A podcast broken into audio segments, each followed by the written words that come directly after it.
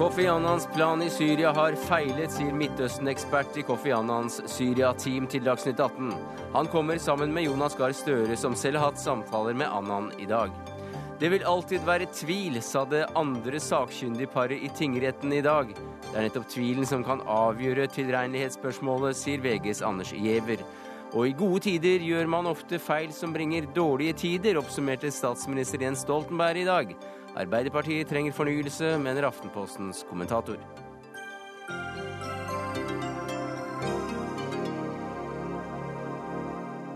Ja, Det er noen av sakene i Dagsnytt 18 denne tirsdagen, hvor vi også skal til Arendal og høre hvordan det går med kvinnen som sulter seg i hjel.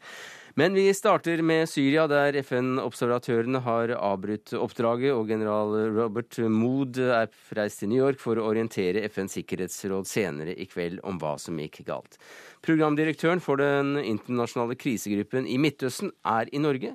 Han jobber dessuten tett med Kofi Annan, som er med hans, som en del av hans team som Midtøsten-ekspert. Og Robert Malley, welcome to Dagsnytt 18. Thank you very much.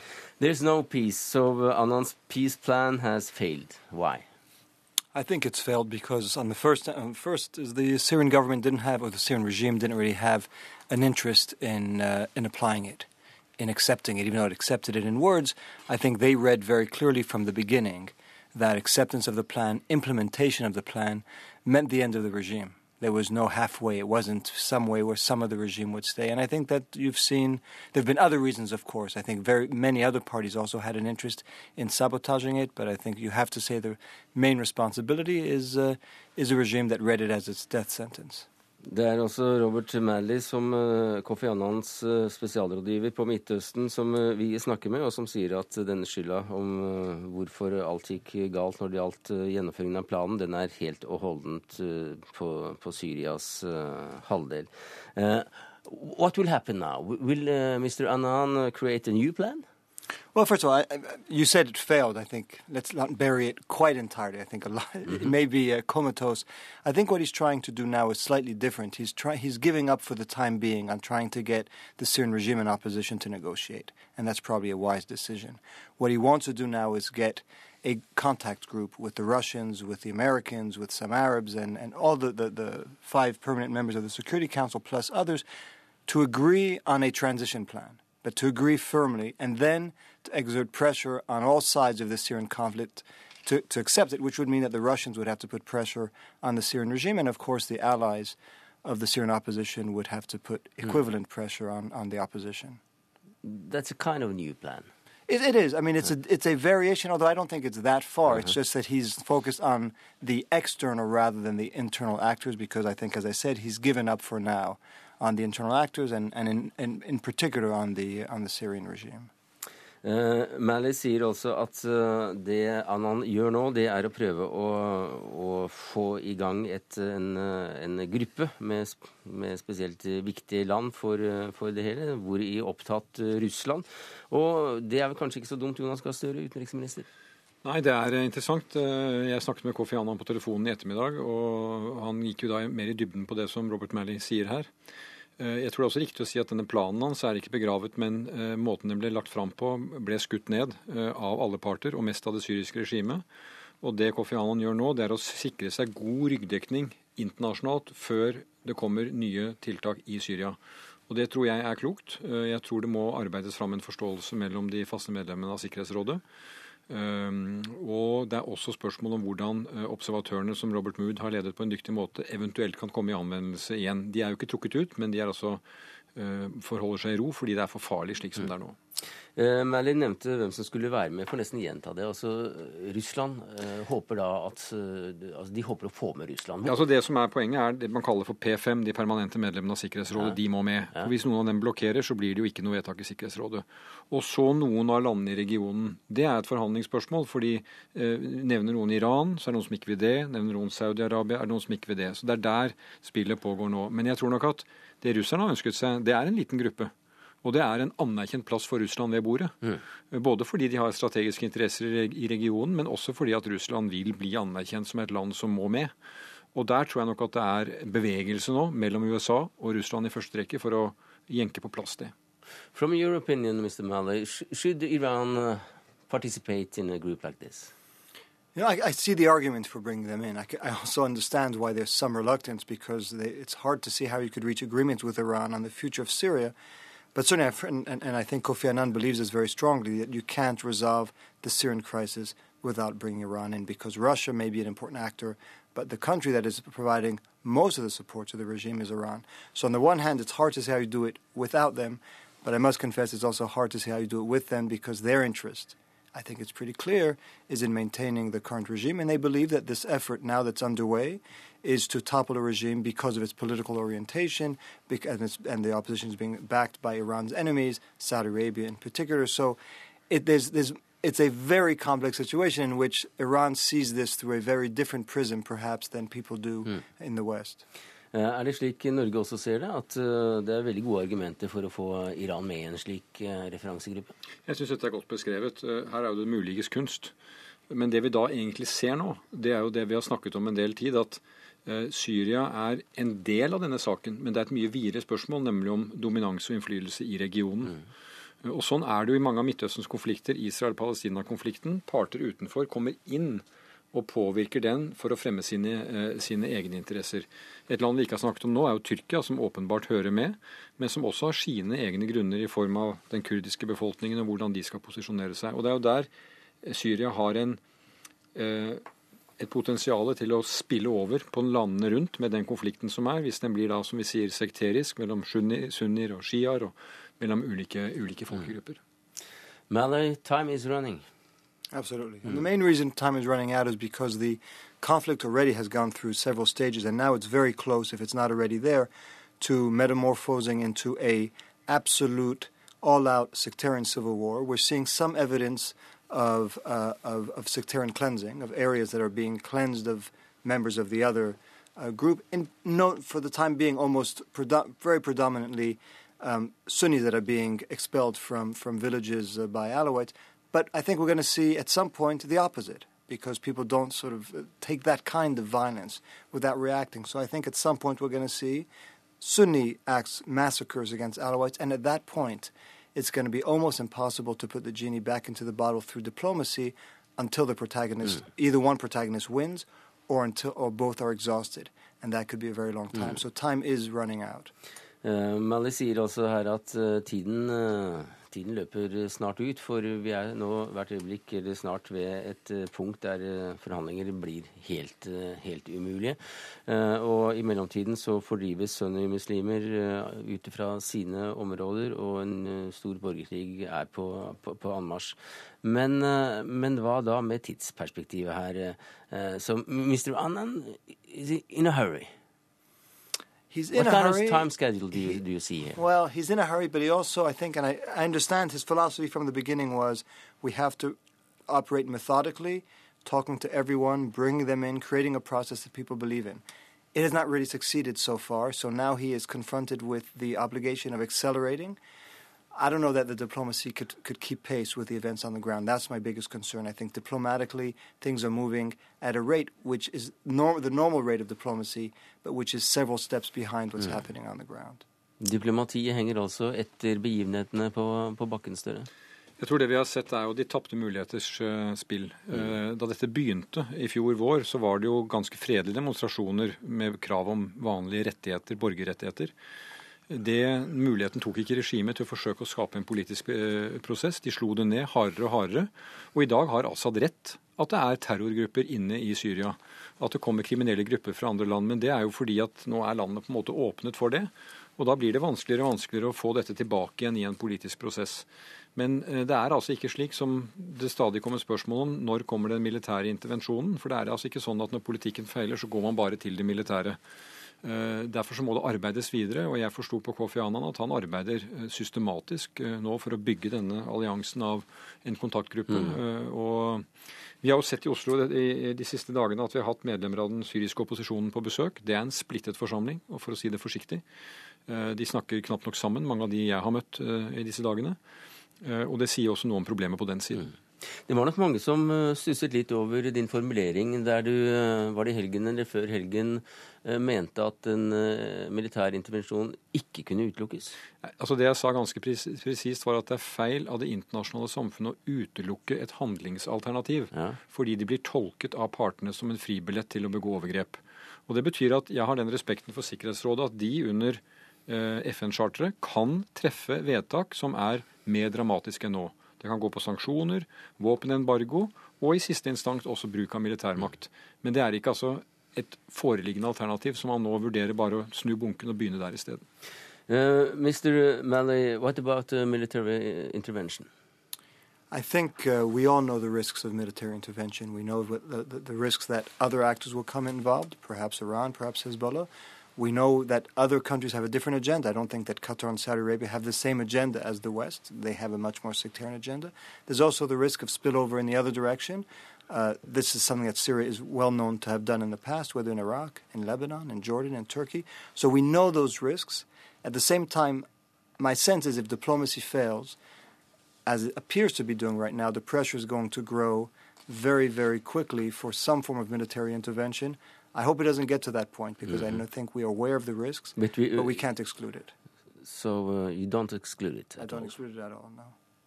Større? Jeg oppfatter at dette er på mange måter det argumentet jeg også vil få fram. De som har sammenlignet med Libya, det er ikke så mange som gjør det nå, for man ser forskjellene. Mm. Det er klare militære uh, forskjeller. Og Derfor så mener jeg at man må jobbe videre. Og det er mer press som kan utøves, og det sær, særlig fra et land som Russland. Så skal du merke oss det han sier også med Saudi-Arabia og Qatar som har en annen agenda, som er regional, og som er sekterisk, og ikke mindre farlig. Anders Tvegård, eh, USA-korrespondent, du befinner deg i New York, og senere i kveld skal lederen for FN-observatørene i Syria, Robert Mood, eh, orientere Sikkerhetsrådet om eh, hvorfor han har trukket styrkene sine ut av Syria, eller i hvert fall lagt ned arbeidet. Hva kommer han til å si? Ja, altså Det er jo forskjellig oppfatning av hva han har gjort og fått til på bakken. og Dette er en sjanse for Sikkerhetsrådet til å stille ham de spørsmålene de ønsker. Dette her kommer til å være et eh, lukket eh, møte. Generalen han kommer til å fortelle altså om hvorfor han har innstilt observatørenes arbeid, hvilke tanker han har fremover, operative eh, forhold. Men uh, mot selv, han, det, det hva han vil vektlegge, det er det Sikkerhetsrådet som får høre først, og det er om fire timer. Hva er det ventet at FN gjør nå i første omgang i forhold til situasjonen i Syria? Mandatet til observatørene går ut om en eh, måned, og her er det en diskusjon om det er noe poeng å, å fornye uh, observatørenes eh, rolle, eventuelt om observatørene bør bevæpnes. Frankrike er et av landene som mener at operasjonen er mislykket, og at de nærmest bare kan pakke sammen og, og, og, reise hjem. Mens Kina sier at observatørene fortsatt har en rolle å spille mellom, mellom partene. Og nå skal jo da Sikkerhetsrådet også arbeide med et nytt forslag til straffetiltak mot uh, Syria. Russland har blokkert det to ganger tidligere. Det er ikke sikkert at USA, uh, Storbritannia og Frankrike får Sikkerhetsrådet med seg på, på det nye forslaget som de, som de, arbeider med. Mer om uh, dette utover kvelden, og fra deg, Anders Tvegård, takk skal du ha i New York. Takk til Robert Malley, programdirektør for den internasjonale krisegruppen i Midtøsten. Til Jonas Gahr Støre, utenriksminister. Thank you very much.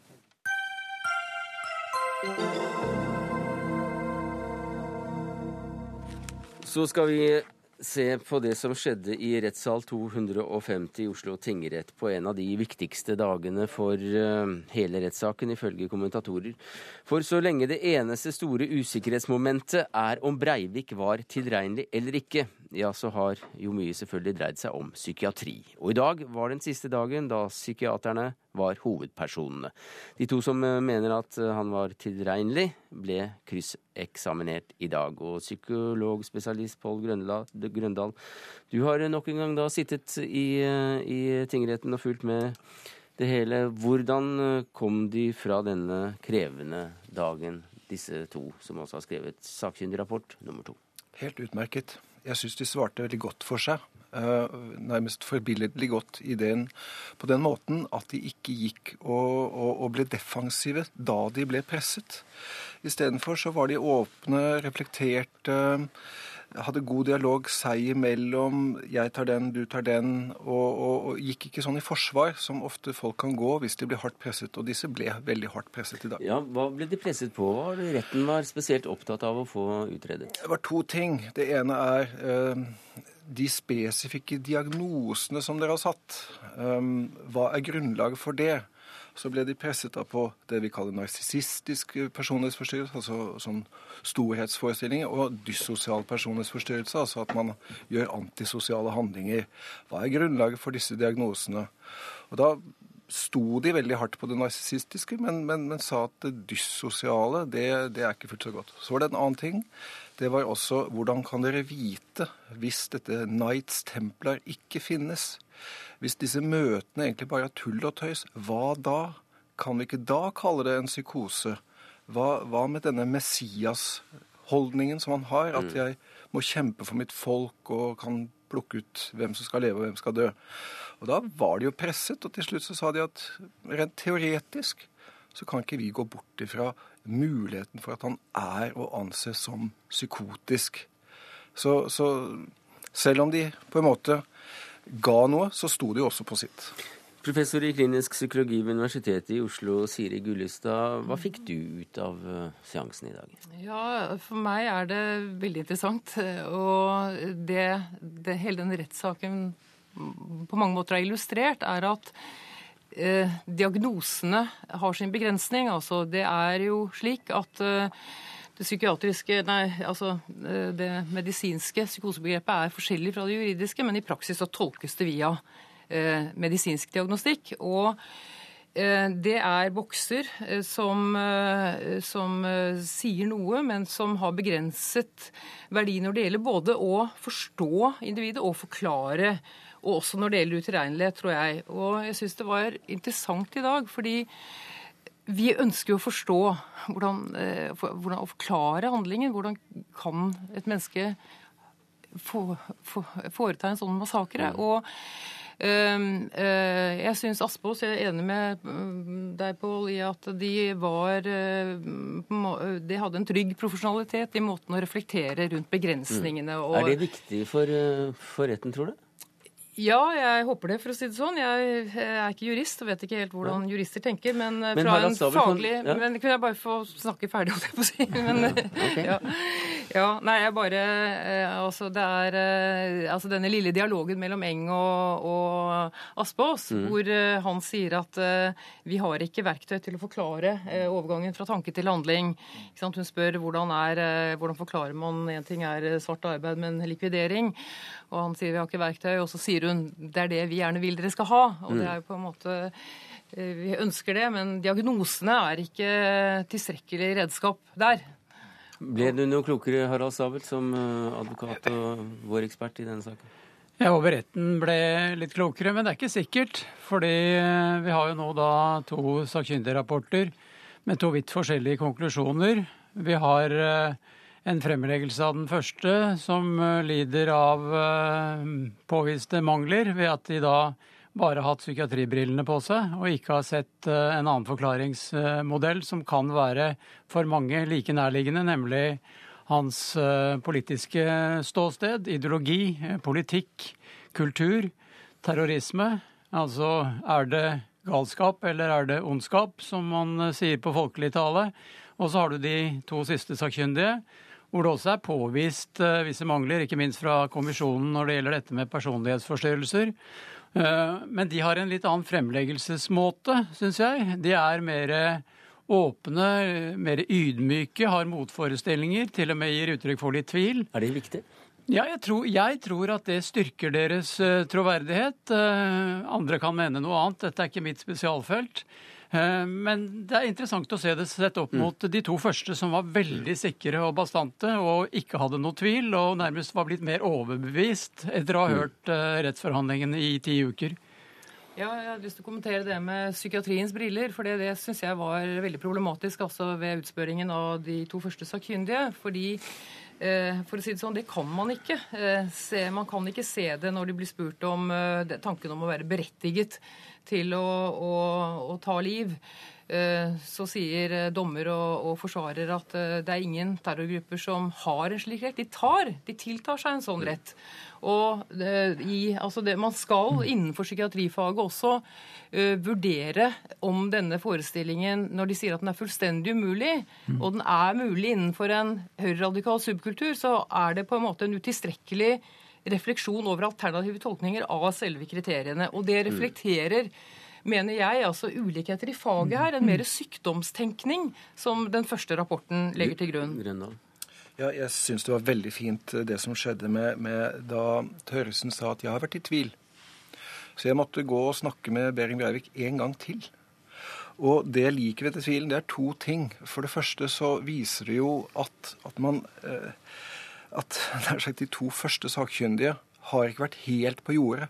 De er ikke helt odde, underlige, aparte mennesker som har sett det eneste som, som ingen andre har sett. Og det andre er at rent beslutningsteoretisk så har jeg kritisert en del av mine kolleger i, i den forskningen jeg har gjort, nettopp for å ikke synliggjøre tvilen. For er det noe som retten, i hvert fall i, i litt enklere saker kanskje enn dette, trenger, så er det jo nettopp tvilen. Nettopp at vi skal by fram det materialet vi har. Se her, det er dette vi har. Dette kan dere som er jurister strides om. Men så da til eh, det store spørsmålet, selvfølgelig, som alle stiller seg. Eh, Det er Er han nå nærmere til å bli erklært eh, tilregnelig etter det du har hørt i dag? Skal jeg bedømme på det jeg har sett og hørt i retten, så ser jo ikke jeg noen person som er plaget eller drevet av psykose. Men, nå tenker jeg ikke hva du har sett, men hva du har hørt eh, de sakkyndige si, og hvordan de har forklart seg og svart på spørsmål. Nei, jeg klarer ikke å målfeste dette, og jeg sitter og er egentlig veldig glad for at jeg nå ikke er dommer i Oslo tingrett og leder denne saken og skal gjøre en beslutning. For jeg, jeg syns juristene her har vært så gode. Eh, eh, fordi når, når- Beiring stiller spørsmål, så blir jeg jo med en gang så kommer jeg inn i det universet av tvil på Men- den siden. Men eh, allikevel så virker det jo som om du heller i retning av at den første sakkyndigrapporten var den de bør ta mest hensyn til. Ja, nei. Tvert imot så har jeg vel heller prøvd å si at la oss ikke smelle døra igjen før vi på en måte har hørt dem i retten, da. La oss høre argumentene, for de kan jo være ganske gode.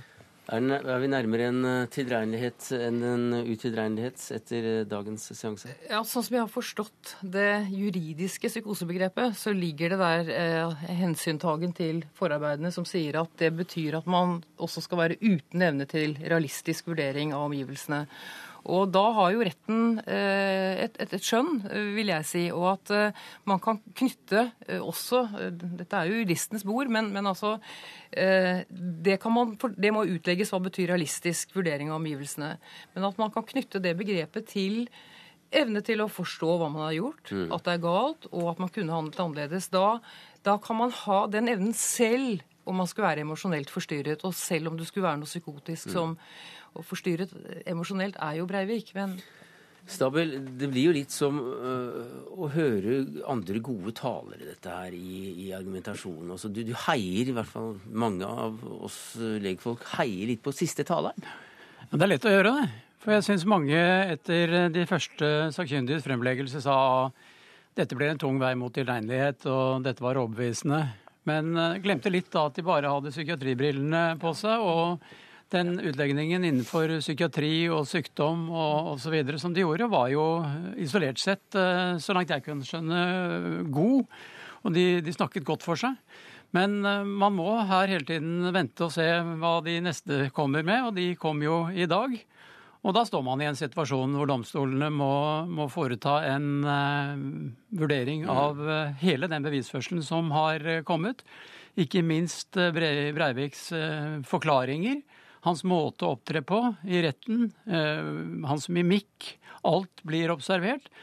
Og så kommer de sakkyndige vitnene som han har observert ham i tre uker på Ila. Det er klart de blir tunge i vektskålen her når det gjelder bevisbedømmelse, fordi når du har da to sprikende sakkyndige rapporter. Så her må retten komme til er dette en person som var klar over hva han gjorde, som kan bebreides for, for det han gjorde, og som kunne handlet annerledes. Og på de spørsmålene så er det vanskelig å, å svare annet enn eh, det kunne han. Han kunne handlet annerledes. Han kan bebreides for dette. Ja, for mens øh, tvilen øh, snakkes mye om her innenfor psykiatrien, at det er flott å, å være tvilende, så kan jo ikke retten være i tvil. Eh, Retten kan godt være i tvil. Retten må Eh, havne på det ene Retten eller må havne på et standpunkt. Og det er klart, eh, det de må, og det som er tema for bevisførsel nå, er jo tilregneligheten. Den skal bevises, Mm. fordi det er snakk om straff dersom han blir tilregnelig. Og det store uklare spørsmålet også for retten, fordi det er uavklart i Høyesterett, det er hvor strengt er det beviskravet? Er det nok at det bare er sannsynlighetsovervekt, eller må man høyere enn det? Det er i hvert fall ikke nødvendig at man eh, skal ha så sikre bevis for tilregnelighet som når det gjelder å bevise selve handlingen. Og det, Vi er da i denne pussige situasjonen som vi har nevnt et par ganger her i Dagsnytt 18 at aktoratet ikke helt har bestemt seg, i hvert fall som vi vet, eh, hva de vil prosedere på. Jeg tror nok de har bestemt seg nå, selv om de sier at de ikke har det. Hva har de bestemt seg for da? Du kjenner nei, det, tør jeg, det tør jeg ikke si. Men uh, mye, du kan få et inntrykk av at de gjennom bevisførselen skal underbygge sin prinsipale anførsel i, eller uh, angivelse i tiltalebeslutningen om uh, utilregnelighet, men, men, det vet vi ikke. De sier at det har de ikke bestemt seg for, og de skal opplyse saken best mulig. Det er et vektig argument, det også. så vi får se. Det er en usikkerhet knyttet til det, men den eh, avklaringen får vi på torsdag. Og da mm. vil også en del andre brikker kunne falle mer på plass. Og saken avsluttes også, ifølge boka i hvert fall, på fredag. Takk skal du ha, Harald Stabel, advokat og eh, vår ekspert på området i eh, denne rettssaken. Siri Gullestad, professor i klinisk psykologi ved Universitetet i Oslo. Og Pål Grøndal, Grøndal psykologspesialist. Vi skal uh, høre hva et uh, lite panel med, med kommentatorer sier til uh, det vi har hørt. For i dag så har vi altså hørt sakkyndige nummer to. I går var det Tørrisen som snakket om usikkerhet. årsaken til at jeg spurte om det, var at da den uken av rettssaken hadde gått, så begynte jeg å tvile litt. Hvordan er det mulig å sitte på denne måten under en så alvorlig sak, ikke gi noen følelsesmessig uttrykk? Er han i, i en slags boble? Har det endra seg på noen som helst måte siden sist vi snakka med han? Kan han ha en, en psykose? Altså, rett og slett, jeg var usikker etter å ha observert i retten. Men så ble han uh, antagelig litt mer sikker da, etter å ha snakket med Breivik. Terje Tørnesen forklarte her uh, i går uh, seg i går under han og Aspås forklaring. Og akkurat dette med usikkerhet, det er du opptatt av i en kommentar i Verdens Gang, Anders Giæver. Det er nettopp tvilen som kan avgjøre tilregnelighetsspørsmålet i 22. juli-saken, skriver du. Hva mener du med det? Ja, Det er det som har blitt sagt hele tiden, fra, fra som statsadvokaten jo, nei, Riksadvokaten først gikk ut med, at uh, når man først hadde fått en erklæring om utilregnelighet, så var det ikke noe vits i å hente inn noen flere erklæringer, for da ville tvilen uansett være så stor. Mm. Den ville da komme tiltalte til gode. Selv om tiltalte ønsker å bli kjent tilregnelig, så vil han da bli kjent utilregnelig. Så dette spørsmålet har på en måte da hjemsøkt saken hele veien.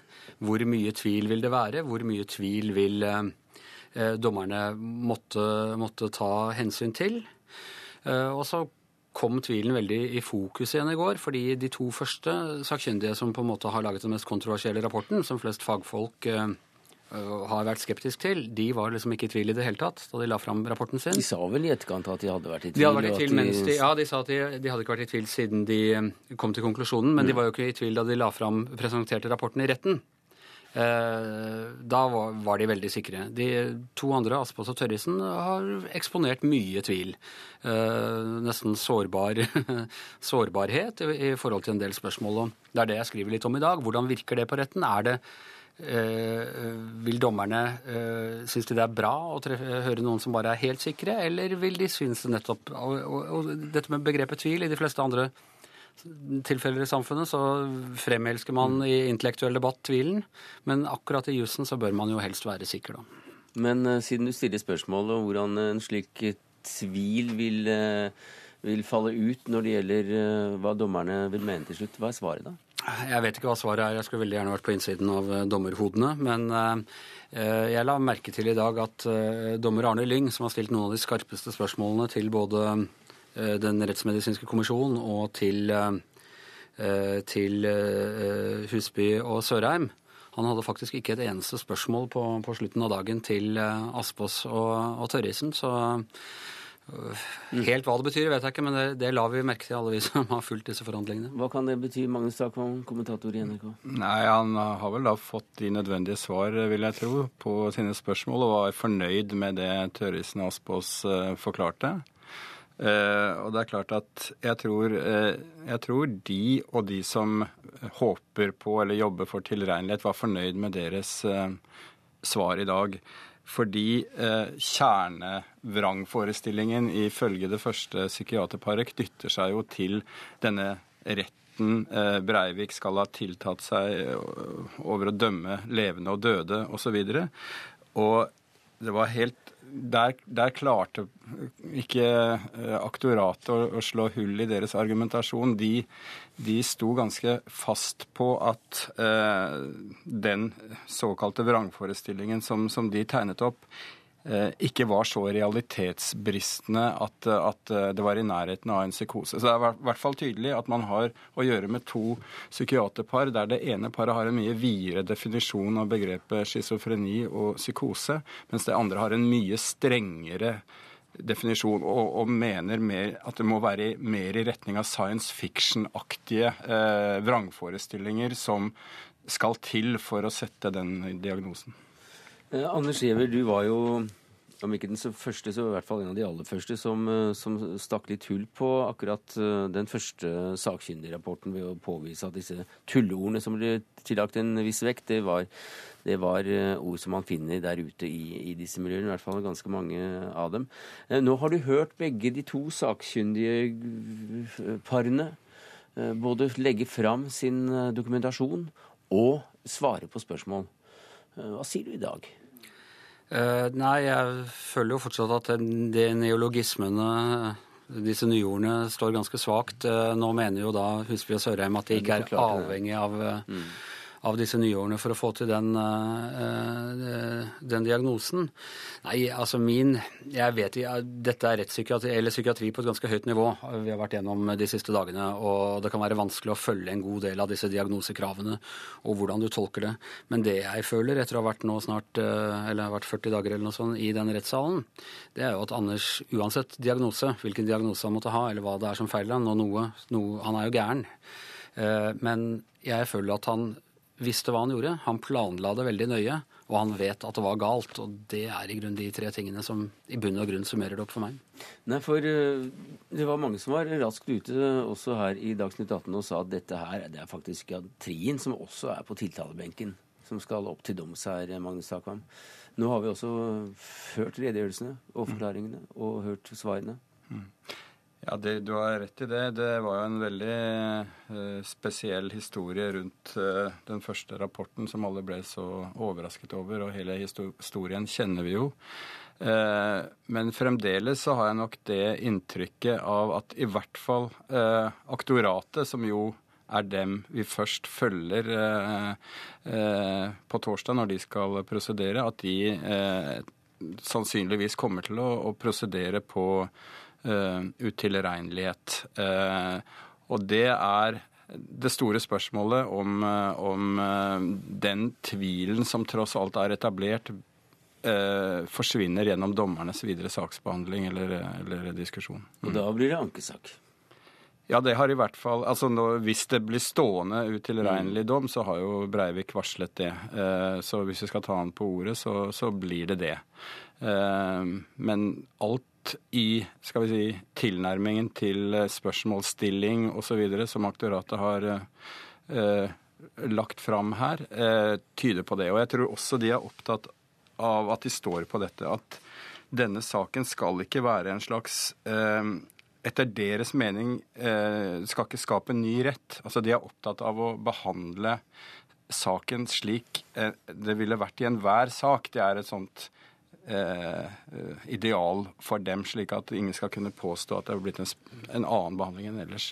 Og det, det, er noe av det jeg bygger på. da. Anders Giæver, nå har alle de fire sakkyndige også forklart seg. Eh, spørsmål fra dommer, aktorat, forsvarer og bistandsadvokater eh, er gjort unna.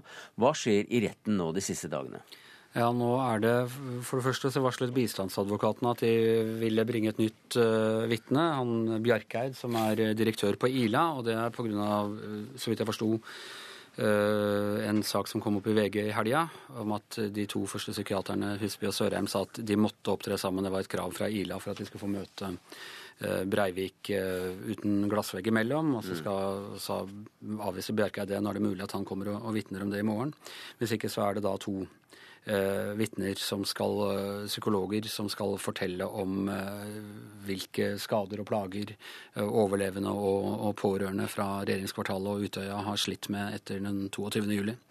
Og så er det altså da prosedyre fra forsvarer og fra for, eller først fra aktor og så fra, fra forsvar de to siste dagene i uka. Takk skal du ha, Anders Giæver, kommentator i uh, Verdens Gang, Magnus Takvam, politisk kommentator i NRK.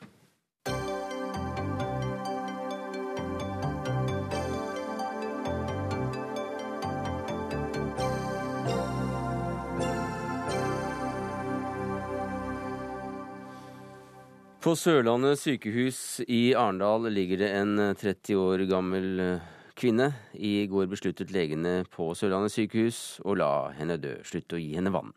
En fortvilet ektemann ber legene gi henne næring.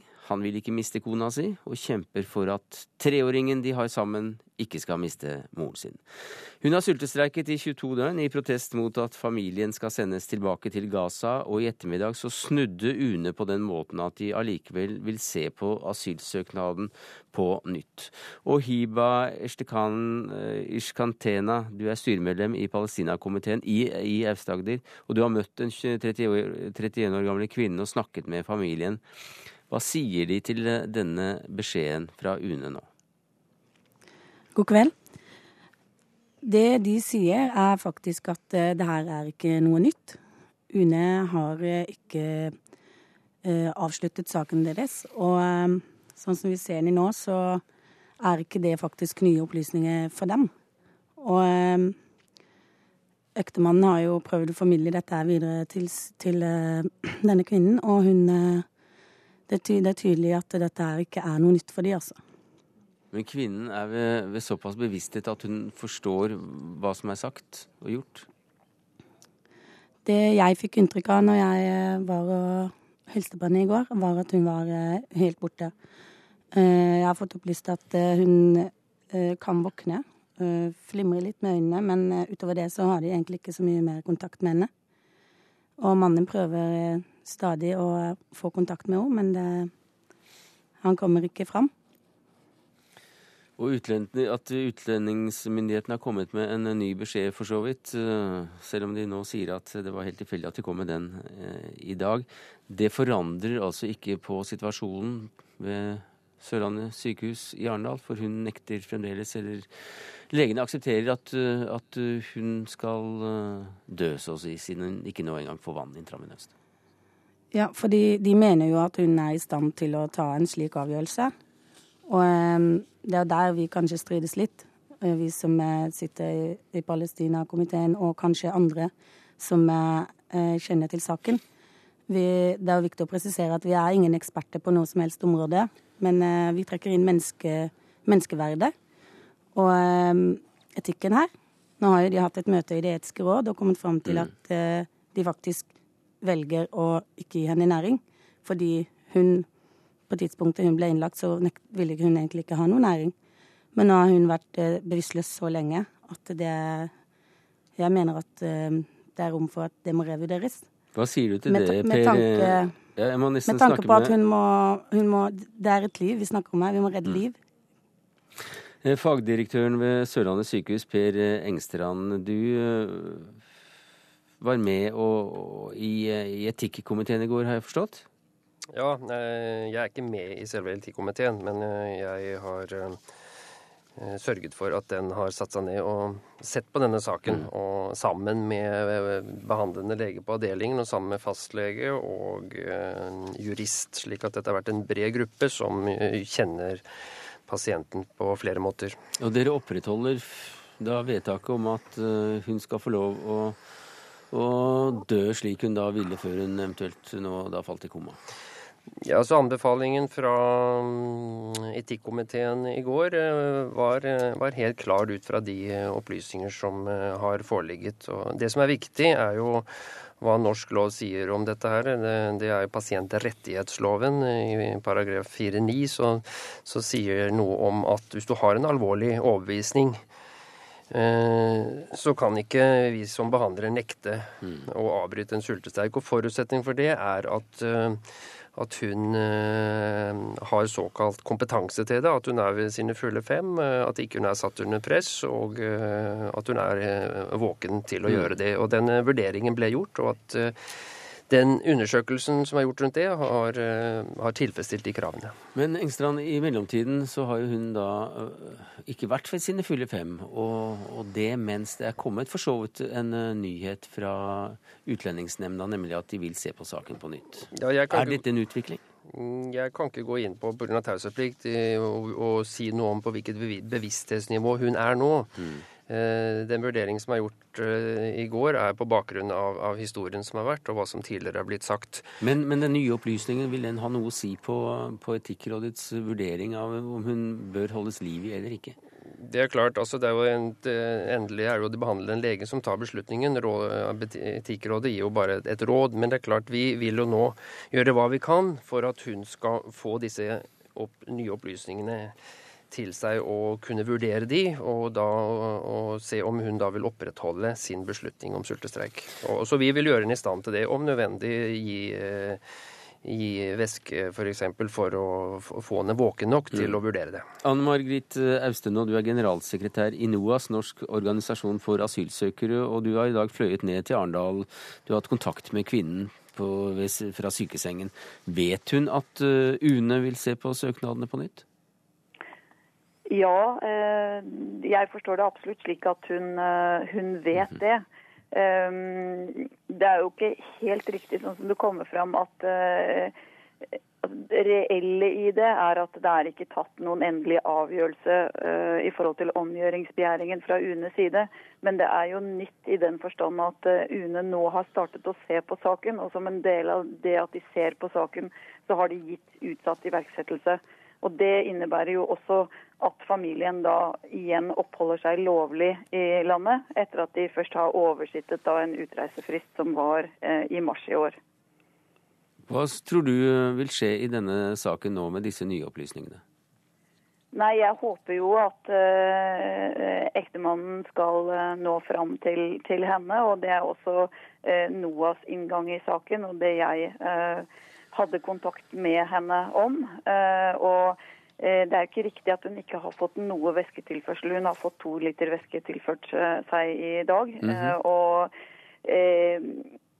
eh, slik jeg eh, oppfattet den kommunikasjonen jeg hadde med henne, så forstår hun at eh, skal NOAS og andre som ønsker å bidra til å få alle opplysninger fram i denne saken, slik at UNEs uh, endelige vurdering blir så god som mulig, så trenger vi også tilgang til, eh, til henne for å kunne mm. stille henne spørsmål og få informasjon om hennes familiesituasjon i Gaza, som er en del av hele dette bildet. Verken eh, politikere eller UNE fikk vi til å komme og redegjøre for denne saken i dag, men vi er glad for at vi har med deg, Engstrand, som fagdirektør ved Sørlandet sykehus. Dette er jo en sak som på oss som ikke har filla peiling på, på, etikk innenfor helsevesenet, virker aldeles forskrekkelig. Altså, Hvordan forholder helsepersonalet seg til en slik situasjon der de faktisk er lovpålagt så å si å la et menneske død? Nei, det er klart Dette er forferdelig krevende og, og vanskelig. Eh, loven er eh, ganske tydelig på eh, pasientens rett til å bestemme over sitt eget liv, til å bestemme at den vil sulte.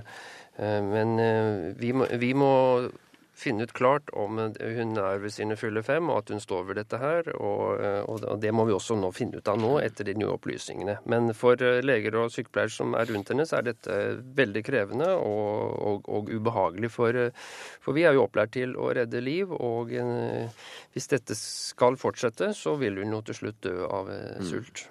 Og Margit Austenå, som generalsekretær i NOAS, så, så ser vel du også at hvis man gir etter etter i en slik sak pga. Eh, en sultestreik, så kan det få konsekvenser? Ja, Det er jo en forferdelig vanskelig situasjon uh, å være i, fordi at uh, Ja, Det er én ting å være i, men jeg tenker at andre jo, kan ty til det samme. Jo, men det er jo flere som, som, er i situasjonen sammen med kvinnen. Altså, Her er det snakk om en ektemann og uh, et tre år gammelt barn. Og, og det er jo også dette barnets eh, selvstendige situasjon som, eh, som myndigheter også må eh, vurdere inn i denne, mm. denne settingen.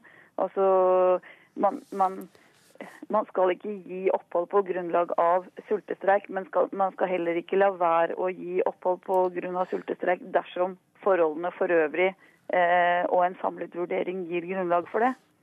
Eh, så, så, sånn at dette er jo et, et dilemma med, med, mange sider. Og det er jo fra NOAS eh, side et ønske om mm. å forsøke å bidra til å, å, opplyse saken best mulig, som, eh, som vi sier. da, at, Som er vår inngang i dette. Takk skal du ha, Ann Margit Austen, generalsekretær i NOAS. Hiba Eshkantena, styremedlem i Palestina-komiteen i Aust-Agder, og til Per Engstrand, fagdirektør i Sørlandet sykehus. Og ellers så var da alle som kunne uttale seg om saken, også invitert.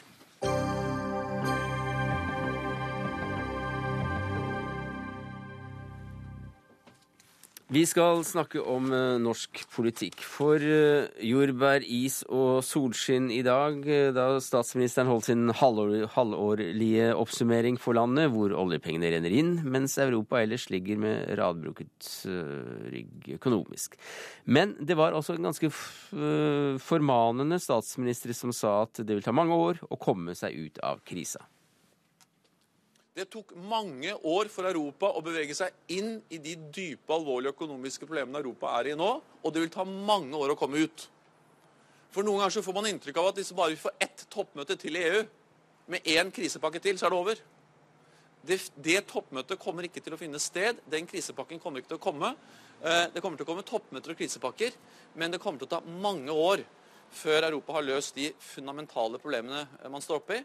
Og man er i en felle en økonomisk felle der eh, arbeidsløsheten er høy, veksten er lav, og man burde brukt mer penger, men det er de ikke i stand til fordi de har så stor gjeld at de har ikke evne til å låne mer penger for å stimulere økonomien. Og Da er det bare dårlige utganger av det. Elisabeth Skarsbø Moen, kommentator i Verdensgang. Hva fikk du ut av budskapet fra statsministeren i dag? Jeg fikk en statsminister som syns begynte på valgkampen og helt klart satte ned grensene mot høyresida. Han uh, sa at det som utfordrer nå uh, det der med å være et rikt land i midt i et, eh, et Europa det er enten at du vil bruke for mye penger, som vel var et, et hint mot Frp, enten at du vil gi for mye skattelette, som var mot både Høyre og Frp, eller at du vil drive kreativ budsjettering, nemlig f.eks. skille mellom investering og driftsbudsjett, som Frp er veldig opptatt av, og Høyre er veldig opptatt av. Like? Ja, jeg syns han ble veldig ideologisk i dag. Det var interessant å høre. Eh, han eh, ble veldig opptatt av eh, å snakke om at riket rike hadde fått overskuddet, mens fellesskapet måtte ta gjelda. Og at han satte det hele i en litt mer sånn ideologisk sammenheng mellom sosialdemokratiet og høyresida i Europa. Eh, Snakka mye om kontroll, regulering, tilsyn med markedet litt sånn klassisk retorikk som han var kjent for som AUF-leder på 80-tallet nesten.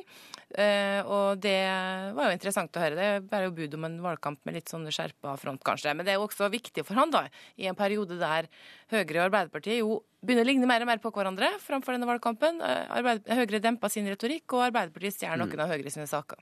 Håvard Narum, kommentator i Aftenposten. Eh, det refereres stadig til valgkampen neste år. Er det, er det en slags start på den lange valgkampen, dette? Ja, det er klart det. Han eh, har jo ikke så altfor mye tid for å bygge opp igjen et eh, rød-grønt alternativ som ligger ganske langt nede akkurat nå. Det er en meget krevende prosess, så det skulle bare mangle at han ikke, at han ikke starter nå.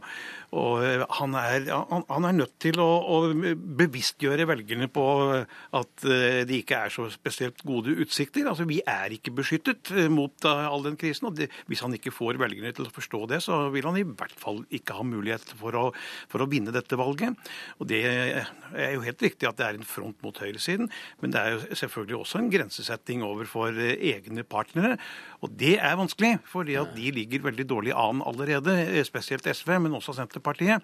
Så her er det en vanskelig balansegang han, han gir seg ut på. Det Kan vi jo se for oss at både Senterpartiet og SV ønsker å bruke mer penger, f.eks. Ja, spesielt SV tror jeg nok eh, Senterpartiet har jo sine hjertesaker de gjerne vil bruke penger på. Men det er klart at eh, det er ikke eh, størrelsen på et jordbruksoppgjør som avgjør skjebnen for, for norsk økonomi. Det vet Senterpartiet, og det vet også Stoltenberg. Men det er greit å ha litt å gå på til Mm. neste år. For hvis bøndene får et brukbart oppgjør da, så glemmer de jo det som skjedde i år. Og Senterpartiet er ikke det svakeste leddet i, i hans koalisjon, det er SV. Men så har du jo samferdselspolitikken, da, der du plutselig kan få åpne for en annen økonomisk tankegang. Det har jo Arnstad allerede sagt i dag at hun er åpen for å se på en annen måte å finansiere samferdselsprosjekt på. Og det er jo nettopp å bevege seg inn på den banehandelen da, som Frp og Høyre befinner seg, nemlig med prosjektfinansiering og offentlig og mm, privat samarbeid, mm. som gjør at du bruker pengene eh, tidligere istedenfor å spre deg utover år. Eh, Det vil bli mye penger på ett budsjett, eh, og det er jo slik tankegang som ikke Jens Stoltenberg er tilhenger av. Så det er interessant å se hvor det er. Ja, for, det For dette er jo akilleshælen til regjeringa, samferdselspolitikken. Ja, men Det er jo da ett eksempel på at uh, Arbeiderpartiet vel nærmer seg Høyre. Men i, i en kommentar i dag så skriver du at de bytter litt roller. For uh, Høyre vil være Arbeiderpartiet, nye Arbeiderpartiet, mens Arbeiderpartiet blir det nye Høyre ved hjelp av i hvert fall skole- og undervisningspolitikken. Ja, de skrudde på retorikken sin i dag. Vil satse på de flinke elevene. Snakka mye om det. Før så har Arbeiderpartiet snakka mest om å løfte i flokk.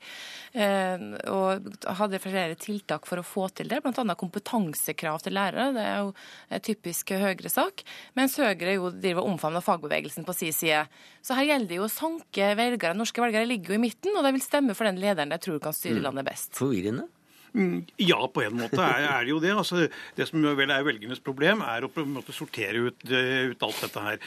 Men de fleste norske velgere som Elisabeth sier, de, de ligger der i midten. Og akkurat nå så har de veldig høy tillit til Erna Solberg, eh, uten at eh, tilliten til Stoltenberg har gått så veldig mye ned. Men den som er i opposisjon, har alltid en fordel, fordi eh, velgerne er mer nyfikne på den. Og eh, Nå var det jo slik i 2009 at Stoltenberg og de rød-grønne vant valgkampen fordi folk hadde størst tillit til at de kunne styre landet trygt gjennom krisen. Det var ikke så rart den gangen. Man visste ikke hvilket alternativ det var på borgerlig side. Man visste ikke engang hvem som skulle bli statsminister. Siv Jensen i Frp lå like godt an til det som Erna Solberg gjorde i 2009. Nå har vi en totalt annen situasjon. Alle vet at Erna Solberg blir statsminister. Ingen vet hvilken regjering helt hun kommer til å stå i spissen for. Men de fleste velgerne tror nok at hun ikke vil sette norsk økonomi over styr, selv ikke med FRP, eh, noen Frp-statsråder på laget. Kommer det til å skje? Da er utgangspunktet vanskeligere for Stoltenberg, og derfor så må han bruke lang tid på å få inn budskapet. Skarsbø Moen, eh, vi har også sett eh, Senterpartiet i går gjøre sine sjakktrekk. eh, Og SV gjorde sine i vinter. Hva kommer Stoltenberg til å gjøre nå?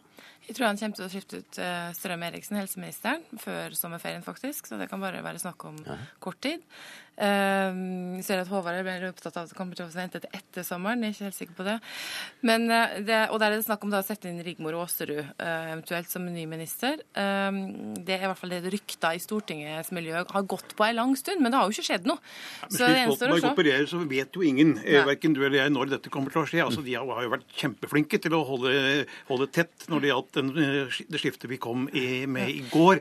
Og det kommer de til å fortsette med. Men at det kommer til å skje i god tid før valget, det er åpenbart. Han kan ikke gå eh, til valg med det laget i Arbeiderpartiet han har nå. Vi venter i spenning. Jeg må dessverre avslutte her. Elisabeth Skarsbø Moen fra VG, takk for at du kom. Takk til eh, Håvard Narum i Aftenposten. Hør Dagsnytt 18 når du vil, på nettradio eller som podkast. nrk.no – dagsnytt 18.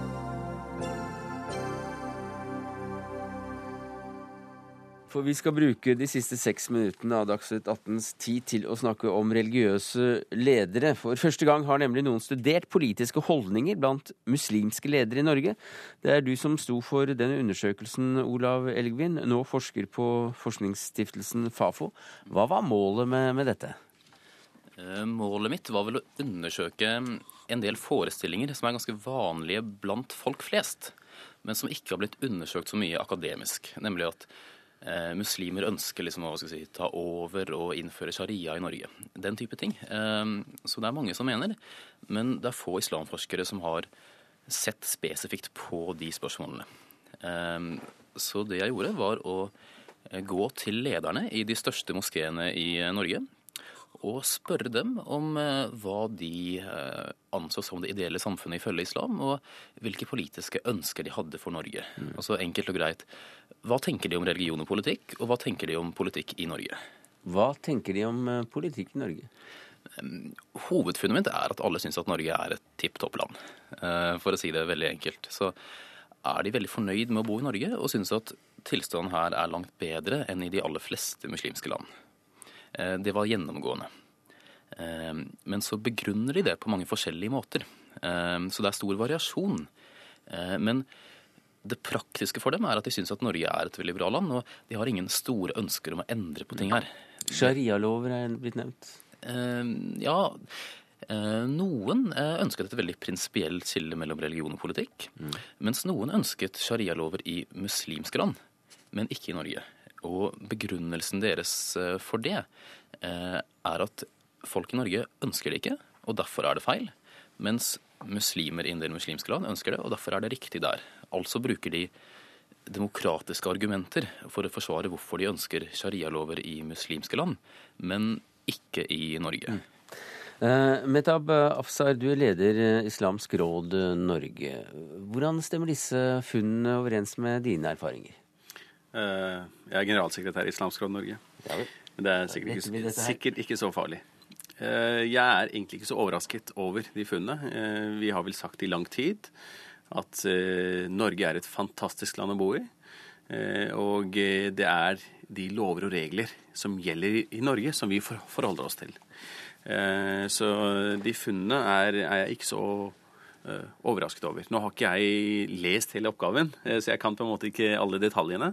Men eh, det inntrykket jeg har fått eh, ved å ha lest om det i, i media og ha snakket med noen andre eh, eh, som har hatt litt mer tilgang til den oppgaven, så viser da det seg at eh, det er på en måte eh, de holdningene de aller fleste norm, mm. norske muslimer har. Det er det at de ser på Norge som sitt land, og at de ønsker å forholde seg til de lover og regler som gjelder i dette landet. Men imamene var da uh, hakket mer konservative enn styrelederne. Det er riktig. Hvordan da? Eh, For det første så var det ingen blant imamene som eh, var det jeg kalte prinsipielle sekularister, som mener at det riktige ifølge islam er å skille eh, stat og religion fullstendig. For det var det en del av styrelederne i moskeene som mente. Og ofte var det uenighet innad i samme moské. Eh, Pussig nok at styrelederen i en moské, en moské kunne mene noe helt annet om det her enn imamen.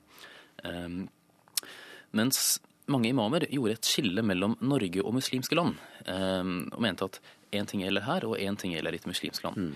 Så mente de fleste styrelederne at et slags norsk system, eh, skal vi si et liberalt demokrati med et stor grad av skille mellom religion og stat, at det er riktig globalt. Dvs. si både i Norge og i den muslimske verden.